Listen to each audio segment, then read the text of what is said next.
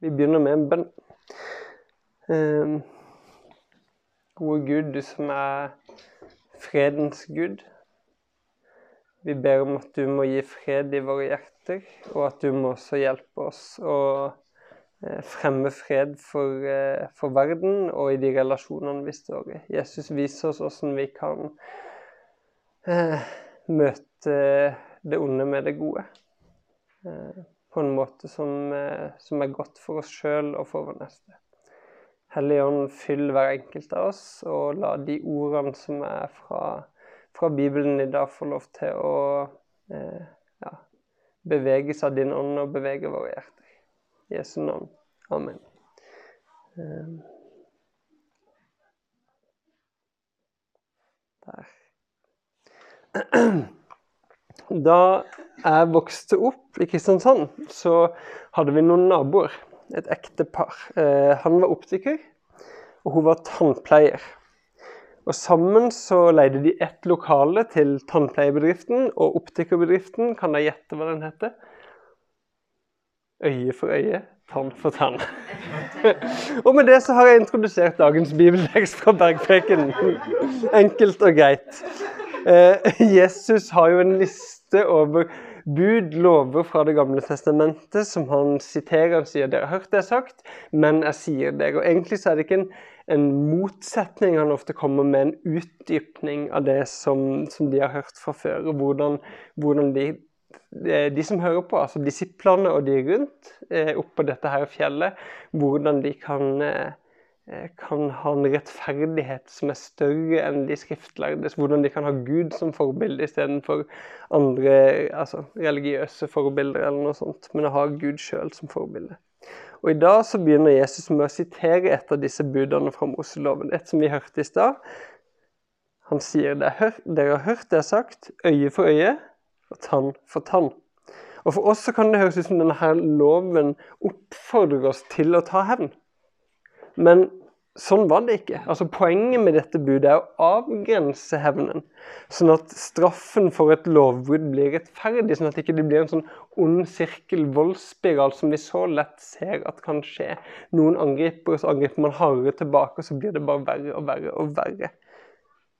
I andre Mosebok 21 står det derfor skjer det en skade, skal du bøte liv for liv, øye for øye, tann for tann, hånd for hånd, fot for fot, Brannsår for brannsår, flenge for flenge, skramme for skramme. Altså ikke noe mer enn det. Og Dette her var jo da en, en lov som var gitt til et nyoppstarta folk. En gjeng som hadde vært i fangenskap i mange år, som nå skulle klare å ha et sivilisert samfunn. Og da fikk de disse her rammende begrensningene. Men nå når Jesus står foran seg med, med en gjeng disipler, med et, et slags nytt folk som skal lære seg å følge han, så sier han at holde seg innenfor grensene, det er ikke poenget. Dere, dere, må lenger. Hør her. Men jeg sier dere, sett dere ikke til motverge mot den som gjør ondt mot dere. Jeg leser det en gang til. Sett dere ikke til motverge mot den som gjør ondt mot dere. Med andre ord, ikke stå imot, ikke slå tilbake. Ikke prøv å gjengjelde den skaden som noen har gjort mot deg. Søk heller det gode for den som gjør ondt mot deg. Og så kommer han med noen eksempler på hvordan en kan gjøre det. Han sier om noen slår deg på høyre kinn, så vend også det andre til. Vil noen saksøke deg og ta skjorta di, ja, så la han få kappa også. Om noen tvinger deg til å følge med én mil, så gå to med han. Gi til de som ber deg, og vend ikke ryggen til den som vil låne av deg. Det her kan jo i utgangspunktet høres litt sånn grenseløst ut. At man bare lar seg sjøl bli overkjørt av andre. Men i alle disse tilfellene så, så, tar du faktisk en slags styring på situasjonen hvis du gjør det Jesus sier. Du tar et aktivt valg om at ja, nå starter du denne onde spiralen. Jeg stopper. Jeg velger å møte deg med raushet og velvilje istedenfor å slå tilbake.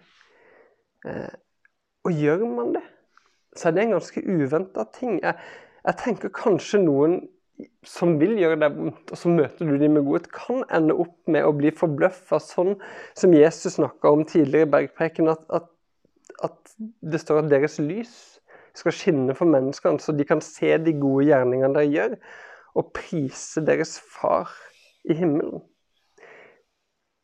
Uansett hva konsekvensen blir, så inviterer Jesus oss til å bekjempe det onde ved å gjøre det gode. Og når du gjør det, så skaper du faktisk en, en, situasjon som viser hvor urimelig den andre personen er. Skal, dette har jeg ikke manuset mitt, så nå skal jeg gjøre litt sånn på frihånd. Sjekk kilder sjøl og sånn på der. Men i alle de tilfellene som har vært her, så, så ligger det en eller annen brodd. Eh, jeg har hørt at hvis, hvis, noen slår deg på høyre kinn, så holder de hånda sånn her, gir et skikkelig slag og så står de med en åpen hånd. Og hvis du da inviterer de til å slå tilbake igjen, så, så har du de slå som en dame, skulle jeg si, eller slå på en måte som ville vært ydmykende i den, i den tida. Slå meg med åpen hånd. og så bare, Er det sånn her du skal drive på med? Vær så god, hvis du skal være så patetisk. Eller det med å saksøke noen og ta skjorta fra noen, og det da gi de kappa også. Eh, dette har jeg hørt er forklart som en slags sånn ydmykelse, for du ender jo faktisk opp med å kle deg naken. Og det var faktisk veldig skamfullt for den som måtte se deg naken. Og du skaper i alle fall en, en ekkel situasjon for den som står der, som ser hvor urimelig det er. Det med å tvinge noen til å følge en mil, det var noe en romersk soldat, en okkupant, kunne velge å gjøre med, med en, en, jødisk innbygger, gjerne som en straff. Hvis du går den straffen din ferdig, da, og sier du nei, vet du hva, nå skal jeg være kompis og bære videre, så setter du den soldaten i en ganske forlegen situasjon der du viser en raushet og godhet når han er inne og ødelegger landet ditt. Og gi til den som ber deg, vend ikke ryggen til den som vil låne deg. Den har jeg ikke noe spesifikt sånn her på, men, men det, er, er, noe med, tenker jeg, den, eh, den rausheten. Hvis du gir noe folk, du gir mer enn folk kan forvente å få, så skaper det også en sånn jeg skulle utnytte det, men nå kommer du å vise godhet mot meg. I alle de situasjonene så kan du vise den andre personen hvor urimelig den er. Vi hørte fra romerbrevet du samler kull på den andre personens hode. Den som slår deg, eller saksøker deg, tvinger deg til å gjøre noe for deg, eller ber om mer enn du kan gi. Og når du møter den andre personen med godhet og raushet og en liten brodd så kan du gi den andre personen mulighet til å omvende seg. For du viser seg her. Det finnes en bedre måte å behandle andre mennesker på. Ikke for at du skal sette deg over den andre, men for å vise seg her godheten. Det er også en mulighet. Overvinne det onde ved å gjøre det gode. Dette kan funke i møte med vanlige mennesker. Men det er ikke alle kamper vi kan vinne på denne måten. For hva skjer hvis du møter et maktmenneske? Hva hvis du møter noen som virkelig har onde hensikter mot deg, og ikke lar seg bevege av det gode? Hva, hva hvis du møter en psykopat? Er det da godt å vende det andre kinnet til? Igjen og igjen og igjen. Skal du la det onde bare få fortsette å vokse? Oppfyller du da lovens dypeste bud, nemlig å elske din neste som deg sjøl? Jeg er ikke så sikker på det. For det er jo ikke godt for den andre å få muligheten til å fortsette å gjøre det onde igjen og igjen og igjen.